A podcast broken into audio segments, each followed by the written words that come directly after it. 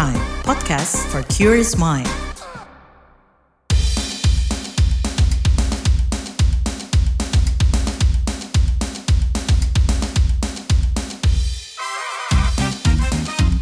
What's Trending KBR Pagi, siaran pagi radio paling update. KBR Pagi, siaran pagi radio paling update. Selamat pagi, apa kabar kalian semuanya di hari Rabu 24 Mei 2023? Kembali lagi saya Don Brady menjadi teman pagi hari kalian semuanya di What's Trending KBR Pagi pastinya. Um, sarapan pagi ini apa ya? Telur mata sapi enak kali ya. Tapi wait, telur lagi naik nih harganya. Gawat, nasi goreng biasa pun pakai telur. Mau jajan telur gulung apalagi nih? Sudah pastilah pakai telur. Tak hanya pada mahasiswa, penghuni kosan, tapi rumah tangga hingga pelaku UMKM juga terdampak oleh kenaikan harga telur. Sebab telur merupakan salah satu komoditas utama dalam produk atau olahan makanan. Menteri Perhubungan Zulkifli Hasan mengatakan salah satu penyebab kenaikan harga telur adalah banyaknya pengusaha telur yang bangkrut dan harga pakan ayam yang naik. Untuk mengatasi persoalan ini, Zulhas mengklaim pihaknya akan memberikan subsidi pangan ayam berupa jagung sebesar Rp1.500 per kilogram. Langkah ini dianggapnya mampu menstabilkan harga telur di pasaran. Kita bakal bahas lebih lanjut soal ini, tapi seperti biasa kita dengarkan dulu komentar warganet plus 62 berikut ini. Dum dum dum dum dum dum dum dum dum dum dum dum dum dum Kita ke komentar @boyxx nggak usah beli telur juga nggak mati kok. Lalu @guna xx ada apa dengan telur ayam? Apa ayamnya malas bertelur nih? Lalu komentar @userxx harga-harga terus naik terserah kalian yang punya pasar kami diam aja deh di rumah.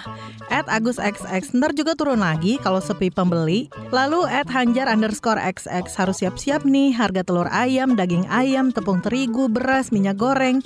Jika semuanya kompak naik tinggi harganya. Lanjut at Pamanu XX, pecahkan telur, campur 2 sendok makan tepung terigu, terus aduk lalu goreng jadi nambah dikit lebih banyak. At Dian XX, gue sekarang kalau mau jajan ke SD jadi mikir-mikir, harga-harga pada naik, cireng naik, cilok naik. Dan terakhir at Ari XX, kami rakyat kecil tidak sama pendapatannya seperti orang besar.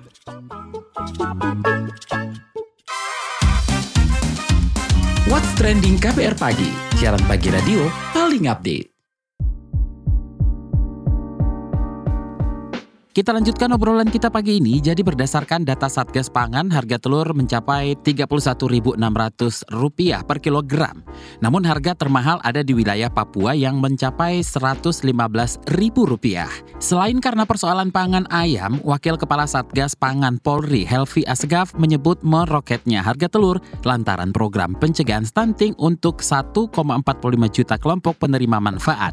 Berikut penuturan selengkapnya dari Wakil Kepala Satgas Pangan Polri Helvi Asegaf dalam rapat koordinasi pengendalian inflasi daerah bersama Kementerian Dalam Negeri 22 Mei 2023. Yang pertama, komoditas telur ayam ras saat ini terjadi kenaikan 17,04 persen di atas HA, yaitu harga 31.600 per kilogram, sedangkan HA-nya 27.000 per kilogram. Stok indikatif saat ini 506.000 ton, sedangkan kebutuhan masyarakat 523,9 ton per bulan. Untuk ketahanan stok 0,96 per bulan. Kemudian hasil monitoring Satgasda yaitu telur ayam ras tertinggi di wilayah Papua, tepatnya di Kabupaten Pegunungan Bintang, yaitu di harga 115.000 per kilogram, dan wilayah Maluku, tepatnya di Kota Tual, yaitu 60.000 per kilogram.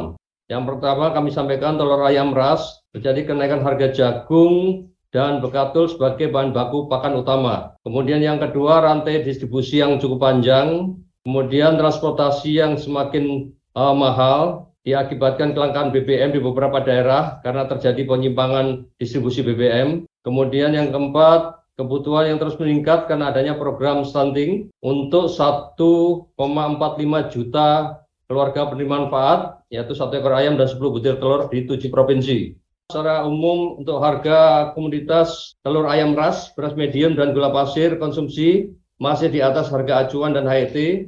Kemudian untuk pakan ternak sangat dipengaruhi harga mempengaruhi harga jual, terutama telur ayam ras dan daging ayam perunggasan. Rekomendasi dari Satgas Pangan yang pertama kita memaksimalkan koordinasi antar daerah, baik Satgas Pangan dengan kementerian lembaga terkait, khususnya terkait dengan pengawasan distribusi beras dan telur ayam, dengan cara memangkas rantai distribusi dan pengawasan untuk distribusi BBM agar tidak terjadi penyimpangan yang akan berdampak sistemik pada kenaikan biaya transportasi. Yang kedua, perlu dilakukan pemantauan secara intensif terhadap bahan baku pakan ternak, terutama jagung, konsentrat, dan dedak, untuk menjaga kualitas standar mutu pangan kita, khususnya pakan untuk ternak.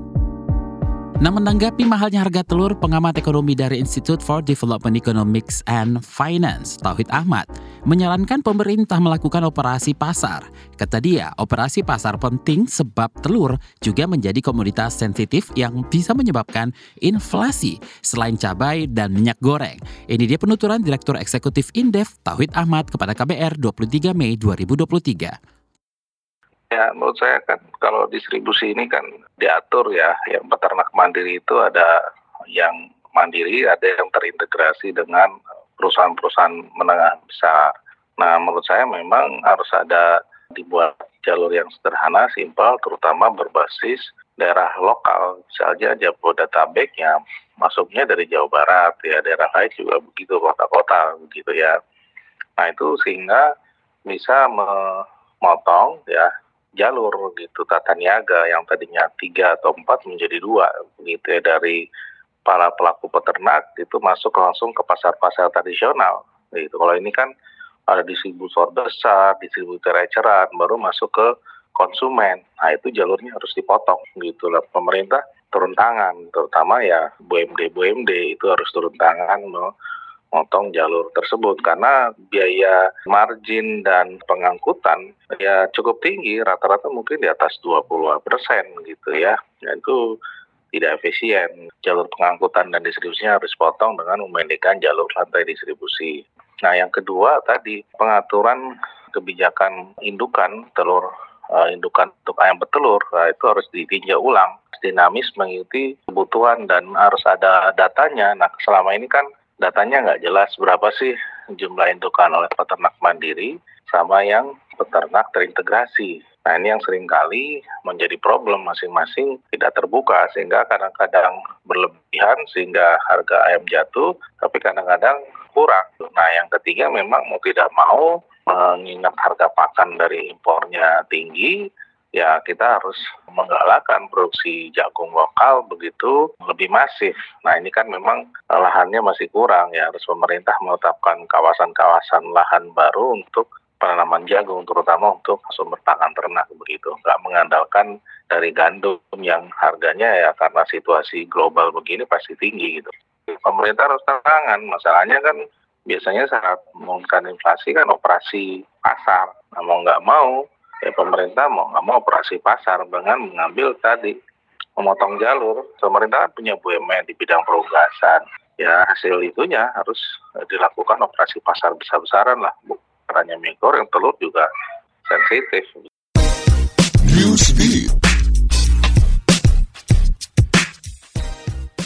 Timnas Argentina resmi akan menggelar laga persahabatan melawan Indonesia. Melalui situs resminya, Federasi Sepak Bola Argentina menyatakan pertandingan akan digelar pada 19 Juni 2023 di Jakarta. Lionel Messi dan kawan-kawan akan melawan Timnas Indonesia dalam pertandingan bertajuk Tour Asia. Dalam tur tersebut, Argentina juga akan melawan Tiongkok untuk menghadapi Australia pada 15 Juni. Federasi Sepak Bola Argentina belum mengumumkan stadion yang akan di digunakan dalam laga nanti. Stadion dan jadwal kick-off akan dikonfirmasi dalam beberapa hari mendatang.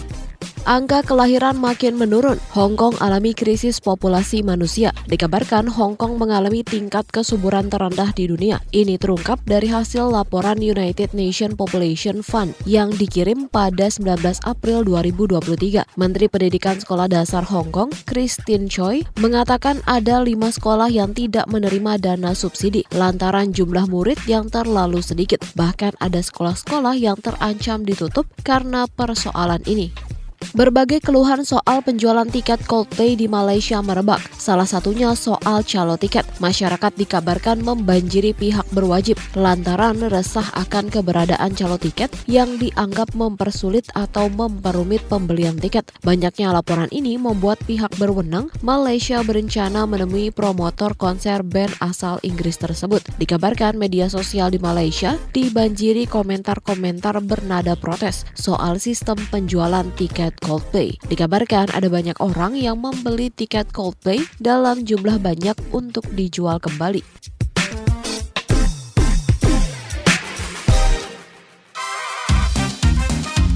What's Trending KPR Pagi, siaran pagi radio paling update.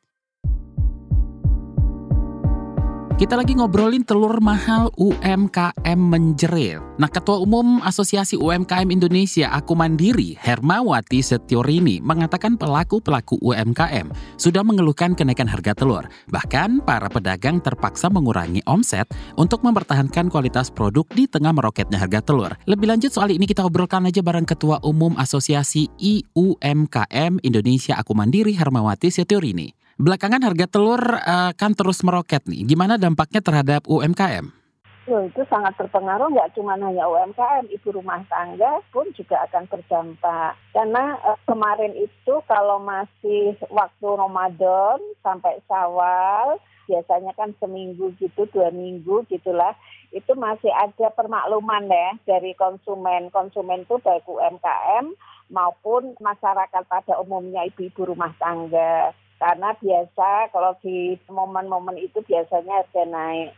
Tapi setelah itu secara normal pasti akan berpengaruh apalagi kepada UMKM karena itu akan berpengaruh dengan biaya produksinya dia itu. Seberapa besar sih peran telur terhadap kelangsungan usaha UMKM khususnya kuliner? Siasat apa yang dilakukan para UMKM menghadapi masalah mahalnya harga telur ini? Pengaruhnya besar banget kalau untuk UMKM karena untuk produk-produk yang bahan bakunya termasuk telur, misalnya kue gitu kan, terus beberapa kayak warung-warung makan itu juga menggunakan telur, itu pasti akan berpengaruh. Nah, paling mereka pasti harus ngakalin gitu. Ngakalinnya itu mungkin mereka akan ambil yang pecah-pecah itu telur yang pecah-pecah itu kan suka ada itu harganya lebih murah tapi kan itu jumlahnya nggak banyak gitu loh jumlahnya nggak maksudnya yang retak-retak itu kan nggak banyak jadi tetap menjadi permasalahan juga bagi UMKM maupun masyarakat pada umumnya gitu. E, kalau harga harga yang diumumkan di media itu kan maksimal 30, tapi kalau di pasar itu sampai 32 ribu, 30 tiga ribu. Malah kalau lewat online kita misalnya beli lewat market itu harganya per 500 per setengah kilo aja dua puluh ribu. Berarti per satu kilonya empat puluh ribu. Itu jadi ini yang harus mungkin disikapi pemerintah supaya daya beli masyarakat juga bisa pulih ya termasuk nanti dampaknya kepada apa pedagang sih gitu. Kalau keadaan ini berlangsung panjang dan tidak segera ditangani, seperti apa resikonya? Pasti kan dia akan menurunkan kuantiti dari usahanya dan itu pengaruh kepada finansial. Taruhlah misalnya mereka dengan membeli pecah mungkin tidak ada masalah di dalam harga konsumen tetap membeli daya belinya berarti tetap tapi kalau mereka menaikkan harga yang awalnya mereka membeli dua pasti akan beli satu. Itu sangat berpengaruh sekali gitu loh. Kalau tadi sebelum interview, saya sudah sempat tanya juga kepada beberapa UKM yang bidangnya memang bahan bakunya telur.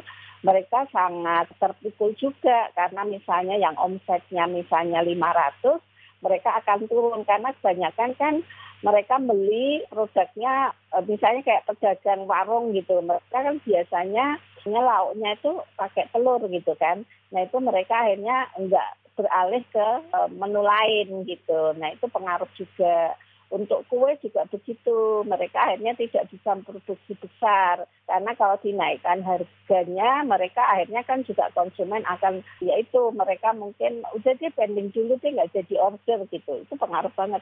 Harapannya apa kepada pemerintah terkait mahalnya harga telur ini? Mungkin di diawali dari hulu ya, karena harga bisa murah itu karena pengaruh ketersediaan barang ya hulunya itu kan permasalahan di peternak itu adalah uh, pakan, pakan untuk ternak itu sendiri. Nah itu yang pemerintah juga harus support di situ, misalnya dengan subsidi pakan ternaknya gitu. Nah tapi tetap nanti menuju hilirnya pemerintah juga harus ada pengawasan.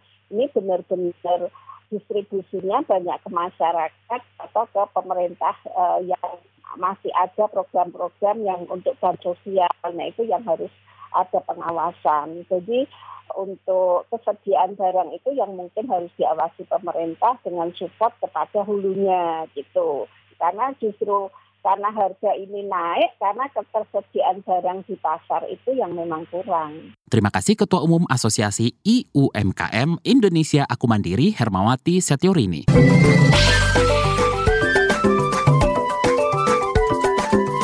WhatsApp Indonesia. WhatsApp Indonesia dimulai dari IKN Nusantara. DPR bakal segera membahas revisi Undang-Undang tentang Ibu Kota Negara atau IKN Nusantara. Anggota Komisi Bidang Hukum di DPR RI, Santoso mengatakan, Komisi Hukum telah mengagendakan pembahasan revisi Undang-Undang 3 tahun 2022 tentang Ibu Kota Negara. Ia mengatakan salah satu yang akan dibahas antara lain masalah pembebasan lahan yang kerap kali menimbulkan polemik. Anggota Komisi Bidang Hukum di DPR RI, Santoso mengatakan mengatakan dalam revisi Undang-Undang IKN nanti pemerintah harus menyiapkan anggaran yang tepat dan jelas terkait dengan pembebasan lahan. Hal ini untuk meminimalkan potensi konflik tanah. Undang-Undang IKN disahkan Januari tahun lalu. Pemerintah menyebut undang-undang itu perlu disempurnakan karena polemik tanah di kawasan IKN tak kunjung selesai. Selanjutnya menuju Jakarta. Pelaksanaan tugas Menteri Komunikasi dan Informatika Mahfud MD menyatakan proyek pembangunan BTS jaringan telekomunikasi 4G di Kominfo tetap dilanjutkan sesuai arahan Presiden Jokowi.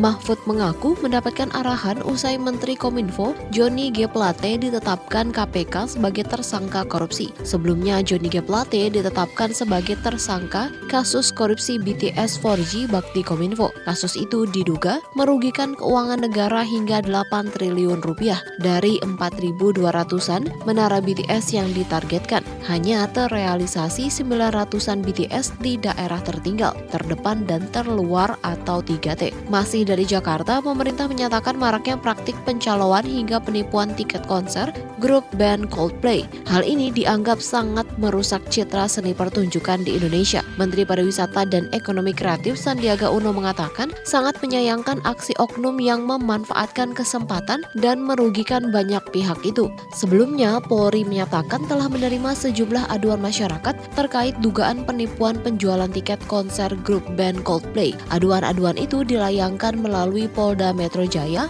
Polda Kepulauan Riau, dan Polda Jawa Tengah. Saat ini penyidik Direktorat Tindak Pidana Cyber Baris Polri dan Polda Jajaran sedang melakukan penyelidikan terhadap laporan tersebut, termasuk melakukan klarifikasi kepada vendor terkait penjualan daring tiket konser Coldplay. Konser Coldplay dijadwalkan 15 November dan menjadi penampilan perdana grup band asal Inggris itu di Indonesia. Demikian WhatsApp Indonesia hari ini.